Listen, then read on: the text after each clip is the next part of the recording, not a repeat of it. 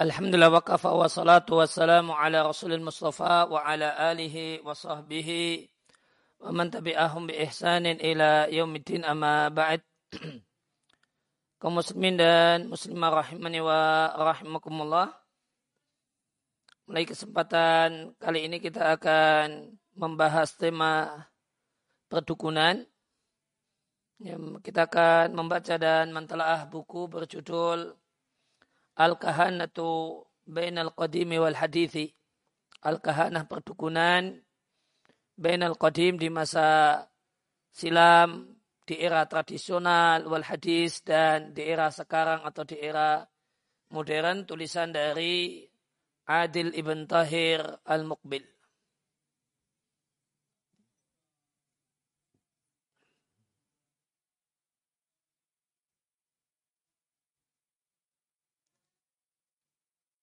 Kita mulai dari halaman 6. Bismillahirrahmanirrahim. Alhamdulillahi rabbil alamin. Wala udwana illa ala zalimin. Wa usalli wa usallimu ala al-mab'uthi rahmatan lil alamin. Wa ala ali wa sahbihi ajma'in. Wa man sara ala nahjihi wa qtafa atharahu ila yumidin wa ba'du. Allahumma lakal hamdu taqaddasat asma'uka la uthi thana'an alaika anta kama athnayta ala nafsik. Lakal hamdu ya khaliqi hamdan wa syukran ala jazili uh, nu'ama ika fi sarai wa darai fa anta subhanaka la tuqaddiru illa khairan.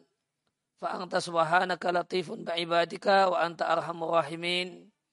Rabbana inna naqifu baina yadayka dalilin mukirina bida'fina wa kubutulina bihadada wa bihadal marad corona Ya, segala puji milik Allah semesta alam tidak ada permusuhan kecuali pada orang-orang yang zalim. Aku bersalawat dan mendoakan keselamatan untuk seorang yang diutus sebagai rahmat untuk semesta alam yaitu jin dan manusia, untuk keluarganya, sahabatnya seluruhnya, dan orang yang berjalan di atas jalannya dan mengikuti jejaknya sampai hari pembalasan. Babakdu, Allah ya Allah bagi segala puji maha suci namamu. Aku tidak bisa menyanjungmu sebagaimana sanjungan yang engkau berikan pada dirimu sendiri. Segala puji bagimu wahai zat yang menciptakanku. Pujian dan syukur atas banyaknya nikmat-nikmatmu saat senang dan susah. Maka engkau ya Allah subhanaka engkau tidaklah mentakdirkan kecuali kebaikan.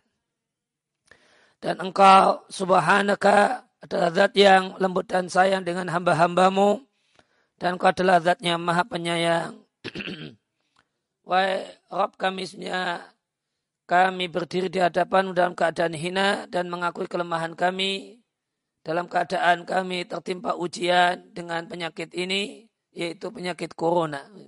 Ya, masalah berarti beliau tulis buku ini ketika beliau dalam kondisi kena corona.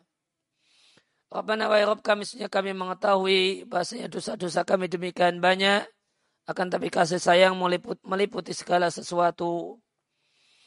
Wahai Rabb kami, kami tengadahkan tangan-tangan kami dalam keadaan berlumuran dosa. ya hayu ya qayyum. Wahai zat yang maha hidup, wahai zat yang mengurusi dirinya dan makhluknya. Kami rukuk di hadapanmu dalam keadaan hina, dalam keadaan ambiar, hatinya. Kami bersujud kepadamu dalam keadaan mengakui. Kami berharap kasih sayangmu, maafmu, ampunanmu, dan kami merendah kepadamu agar engkau ganti. Antubadil hasanatina ihsanan. Agar engkau ganti kebaikan kami dengan ihsanan berbuat baik dan kejelekan kami maaf dan ampunan. Kami bertawasul kepadamu dengan nama-nama yang terindah dan sifat-sifatmu yang mulia dan cahaya wajahmu yang menyinari dunia dan akhirat. Kami serahkan daya dan upaya kami pada daya dan kekuatanmu agar engkau menghilangkan kesusahan dari umat ini dan kau turunkan dari sisimu kesembuhan yang sempurna untuk hamba-hambamu. dan kau jaga negeri kami dan kau jauhkan segala keburukan dari kami yang nampak ataupun yang tersembunyi. Wa anta dan engkau wa Rob kami, engkau perintah kami untuk berdoa dan kau janjikan kepada kami untuk mengijabai doa. Engkau berkata dan firman muhak, Uda'uni astajib lakum. Berdoalah kalian, saya akan aku kabulkan doa-doa kalian. Engkau berfirman, Subhanaka wa idha maritu fawa yashfini. Dan jika aku sakit, maka dia Allah lah yang menyembuhkanku. Allah ma'ajil bisyifai. Ya Allah segera berilah kesembuhan. Ya Allah segera beri kesembuhan. Ya Allah turunkanlah kasih sayangmu. Wahai zat yang maha hidup. Wahai zat yang ya, ya qayyum. Ya, kurang hamzah, kurang ya ya Waidat yang mengurusi dirinya dan makhluknya. Waidat yang memiliki keagungan dan pemuliaan. Munna ala ibadika. Berikanlah nikmat pada hamba-hambamu. Faturnihim. Cukupilah mereka. Sehingga tidak perlu berobat dan orang yang mengobati.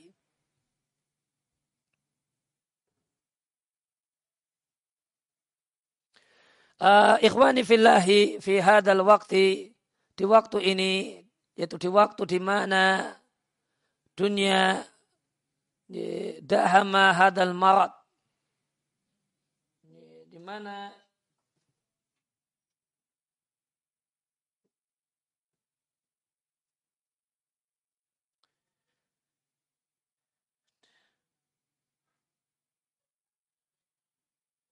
kosakata dahama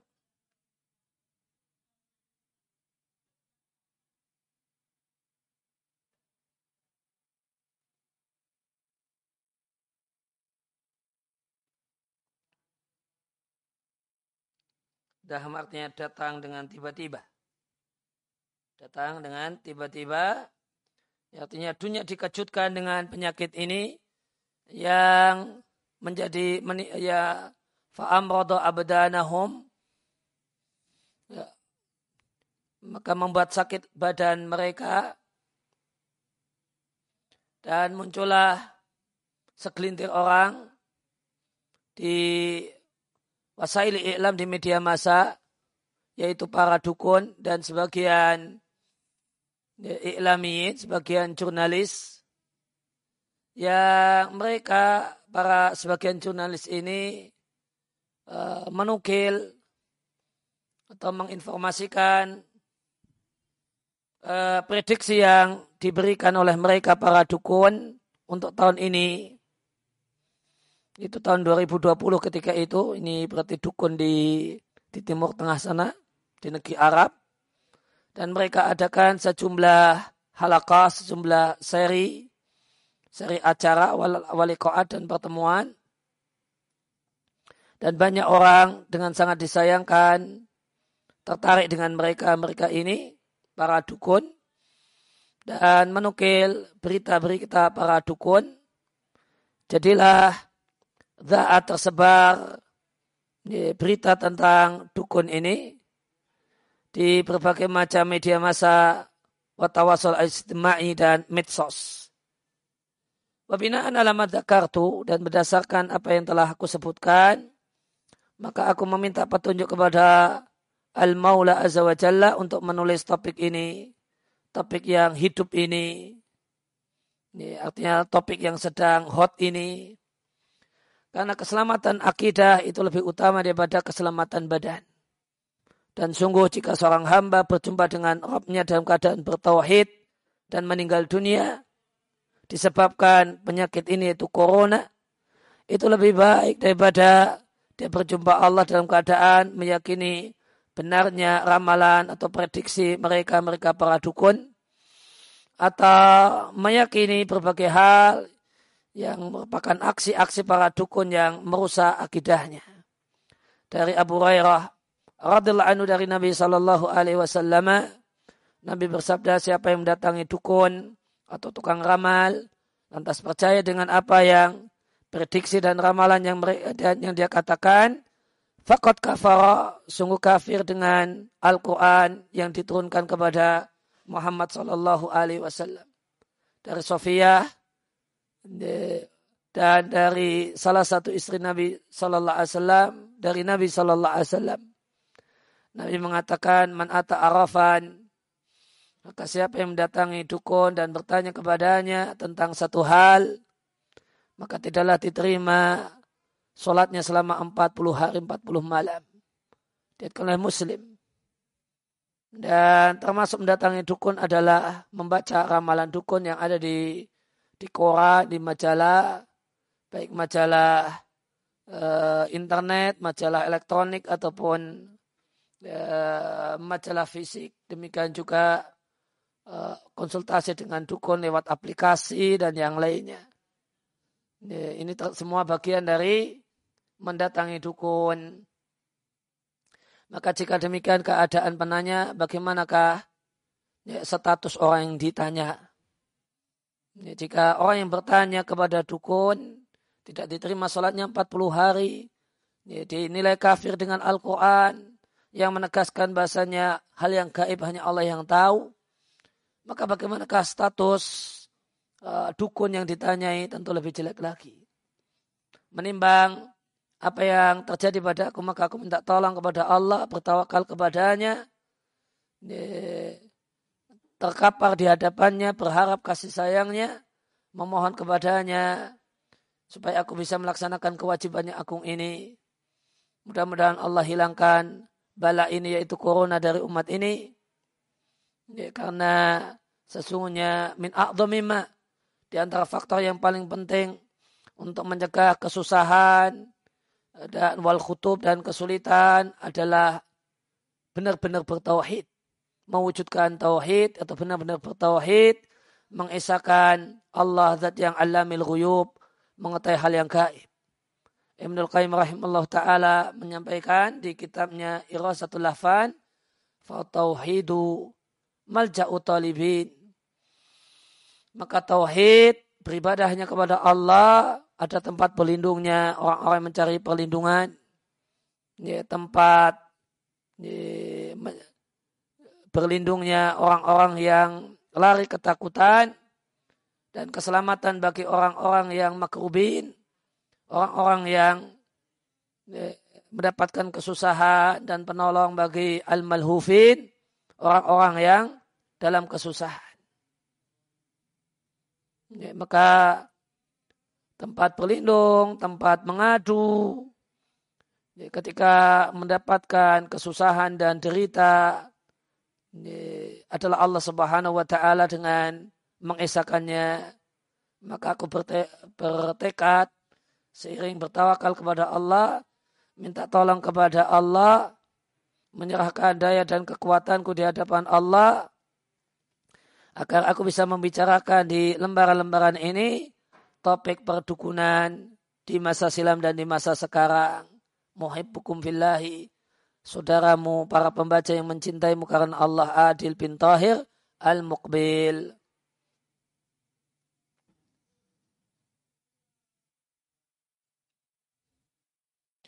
Ya, kemudian yang poin pertama, hukmul kahanati wa hakikatul kuhani hukum perdukunan dan hakikat dukun. Maka hakikat aksi seorang dukun adalah menggunakan jin, memanfaatkan jin, diikhbarihi supaya jin itu menginformasikan hal-hal yang gaib tentang masa lalu atau hal-hal yang gaib di masa depan yang tidak ada yang tahu kecuali Allah. Maka dukun itu sama dengan tukang sihir dalam sisi masing-masing dari keduanya menggunakan jin untuk kepentingannya dan mereka yastamti ubil jinni mendapatkan kesenangan dan pelayanan dengan jin untuk tujuannya. Karena sebagai amanah perdukunan itu menggunakan jin dan menggunakan jin adalah kekufuran dan syirik akbar kepada Allah. Karena menggunakan jin fi misli hadil asyai untuk hal-hal semacam ini tidak akan ada kecuali dengan mendekatkan diri kepada jin dengan melakukan satu ibadah kepada jin maka para dukun labudha pasti. Supaya mereka mendapatkan servis dan layanan dari jin.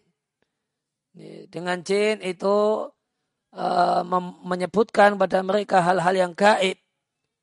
Ya supaya jin menginformasikan kepada para dukun ini tentang hal-hal yang gaib maka para dukun ini mendekatkan kepada jin dengan melakukan satu bentuk ibadah. Boleh jadi dengan menyembelih hewan, ya, ayam cemani, atau ya, misalnya kebu bule, atau yang lainnya, atau istighosah dengan minta tolong kepada pada jin dan kafir kepada Allah dengan cara menghinakan mushab Ya, maka jin misalnya atau dukun ini ngejak-ngejak mushab atau bahkan mengencingi mushab atau dengan mencaci maki Allah dan aksi-aksi kesyirikan dan kekafiran yang lainnya. Ya, maka perdukunan adalah satu aktivitas yang bertolak belakang dengan dasar tauhid. Maka seorang dukun adalah orang yang musyrik, menyekutukan Allah karena dia menggunakan jin, punya perjanjian gaib dengan jin.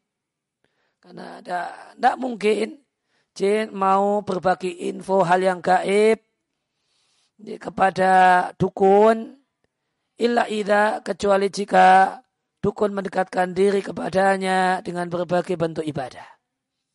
Ya, memberikan sesajen, dupa dan yang lain.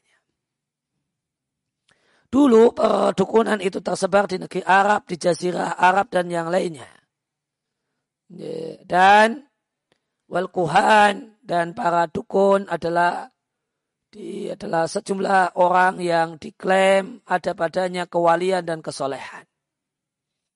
Diklaim bahwasanya dukun ini punya pengetahuan tentang hal yang telah berlalu dan ini dinilai bahasanya mereka punya pengetahuan tentang hal-hal yang gaib, yaitu uh, tentang masa depan yang akan terjadi pada masyarakat atau yang akan terjadi di bumi.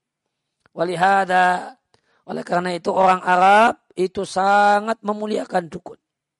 Ya, ya mirip-mirip dengan tempat kita sehingga dukun ini disebut dengan orang pintar, ya, ya, dengan sebutan yang keren dan mulia. Orang pintar atau nama lainnya penasehat spiritual gitu. Dan orang Arab takut sama dukun. Orang Arab suka memberikan pada dukun di upah yang besar, bahasa dukun di tempat kita mahal, dikarenakan informasi yang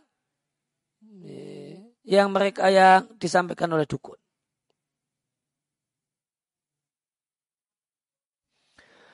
Uh, sedangkan jin itu bisa mendapatkan informasi-informasi gaib yang benar itu melalui jalan curi-curi dengar.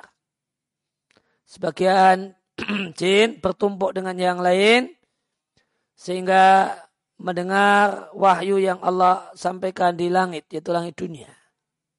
Namun terkadang nyala api sudah mengenai jin ini sebelum kalimat yang dia dengar dia sampaikan pada jin di bawahnya.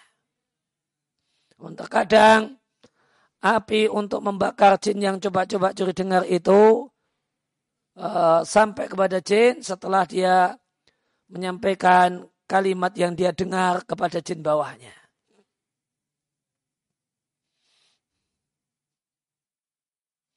Fatati hadil kalimatu maka kalimat ini didapatkan oleh jin. Lantas jin memberikannya kepada para dukun. Lantas dukun mencampur kebohongan dengannya. Atau jin mencampuri kalimat yang benar tadi dengan seratus kebohongan. Ya, dikasih bumbu-bumbu. Tujuannya apa? Supaya semakin mulia kedudukan para dukun. Dan semakin uh, dan supaya semakin luar biasa ibadah manusia kepada jin. Sebelum diutusnya Nabi kita Sallallahu Alaihi Wasallam, peristiwa curi-curi dengar itu banyak terjadi. Dan setelah diutusnya Nabi kita Sallallahu Alaihi Wasallam, langit dunia itu dijaga supaya tidak ada jin yang bisa curi-curi dengar. Dijaga ketat dalam rangka turunnya Al-Quran dan Wahyu. Sehingga tidaklah terjadi kerancuan fi asil wahyu wa nubuwah. Ini pada wahyu dan kenabian.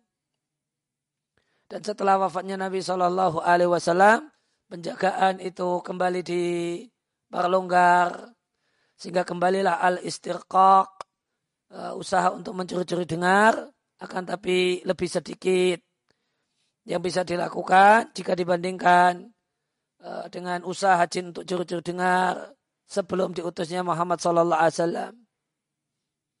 Sehingga kesimpulannya ya bisa disimpulkan bahasanya rincian upaya untuk uh, rincian gambaran tentang usaha mencuri-curi dengar uh, itu ada tiga. Yang pertama sebelum diutusnya Nabi itu banyak sekali.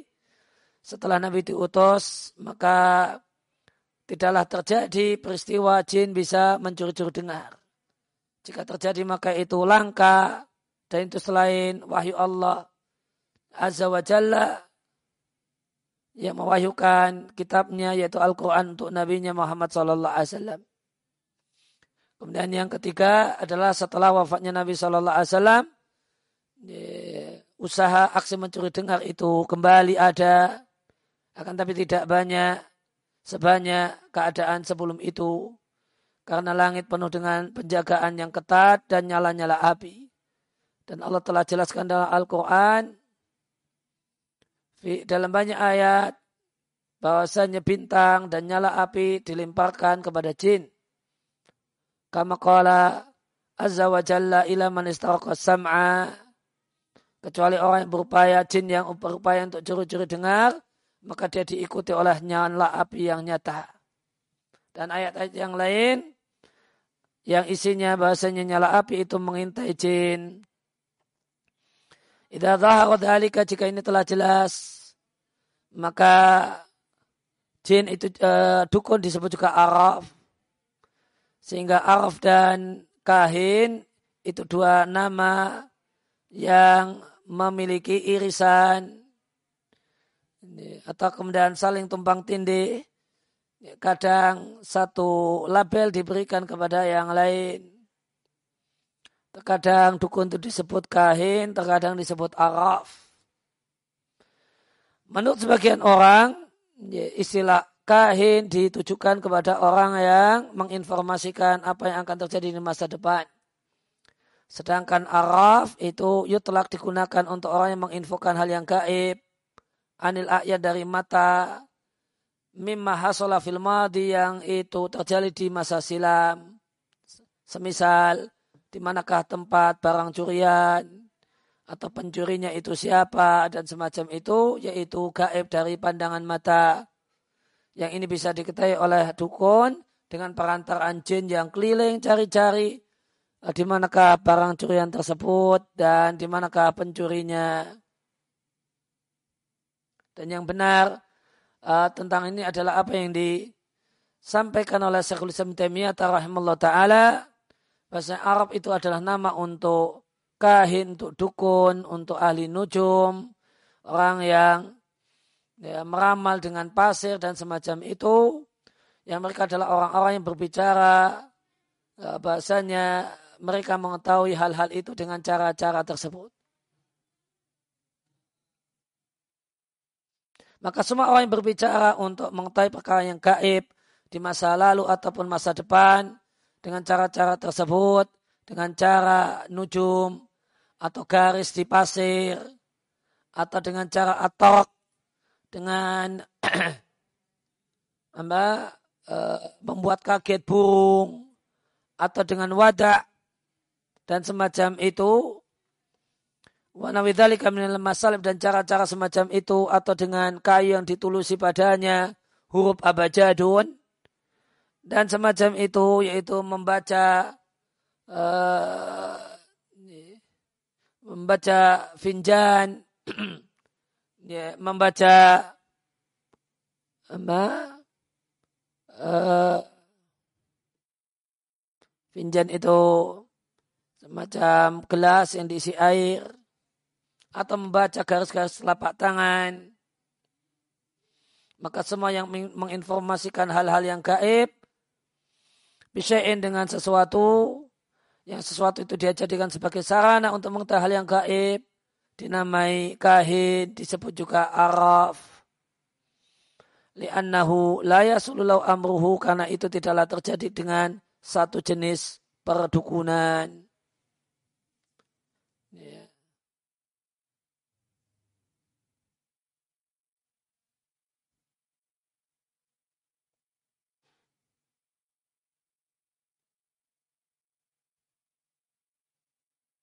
Ada kata yang saya cek al-wada.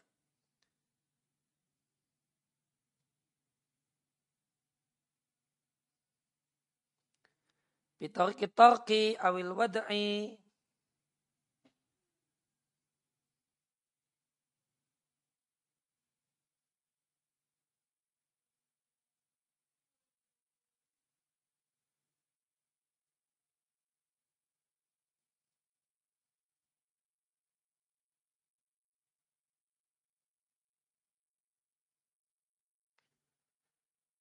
ya uh, semacam manik-manik berwarna putih dan dalamnya itu rongga dan kosong.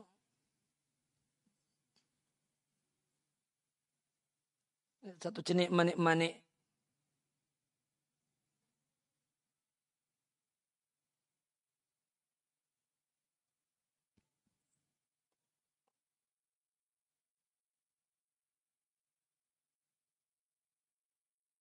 Finjan itu kodahun gelas kecil dari tembikar atau semacam itu digunakan untuk minum. Ya, semacam apa, gelas ya sejenis gelas. Dari Sofiyah dari salah satu istri Nabi Sallallahu Alaihi Wasallam dari atau radallahu anhunna radallahu anha dari Nabi Sallallahu Alaihi Wasallam Siapa yang mendatangi Araf atau dukun dan bertanya kepadanya tentang satu hal, sholatnya 40 malam tidak diterima. Dalam riwayat yang lainnya, siapa yang mendatangi Araf lantas percaya dengan ramalannya, sholatnya 40 hari tidak diterima. Dari Abu Hurairah radhiallahu dari Nabi Shallallahu Alaihi Wasallam, siapa mendatangi kahin dukun atau Araf atau dukun lantas percaya dengan apa yang dia katakan, sungguh dia telah kafir dengan Al-Quran yang diturunkan kepada Muhammad Sallallahu Alaihi Wasallam. Hadis ini isinya balasan orang yang mendatangi dukun dan bertanya. Maka siapa yang datangi dukun dan bertanya tentang satu hal meskipun tidak percaya, sholatnya 40 hari tidak diterima. Wal maksud dan yang dimaksud, sholat 40 hari tidak diterima artinya sholat tersebut takak terjadi sah. Tidak wajib dikodok namun tidak ada pahalanya. Karena dosa dan dosa yang dia lakukan saat dia mendatangi dukun dan bertanya tentang satu hal, itu setara dengan pahala sholat 40 hari. Lantas, dosa mendatangi dukun ini menggugurkan ya, sholat 40 hari ini. Padahal sholat itu satu ibadah yang luar biasa. Wayadullu dalika, maka itu menunjukkan betapa besarnya dosa orang yang mendatangi dukun dan bertanya tentang satu hal meskipun tidak percaya. Sedangkan sabda Nabi, sungguh dia telah kafir dengan wahyu atau Al-Quran yang turun pada Muhammad Sallallahu Alaihi Wasallam. Yakni artinya kafir dengan Al-Quran. Karena terdapat dalam Al-Quran dan dijelaskan oleh Nabi Wasallam dalam hadis, bahasanya dukun, tukang sihir, tukang ramal itu tidak beruntung dan bahasanya mereka itu bohong dan tidak jujur. Ya, demikian yang kita kaji kesempatan kali ini. Wasallallahu ala nabiyina Muhammadin wa ala alihi wa sahbihi wasallam wa akhiru da'wana anil rabbil alamin. Subhanaka allahumma wa bihamdika asyhadu an la ilaha illa anta astaghfiruka wa atubu ilaik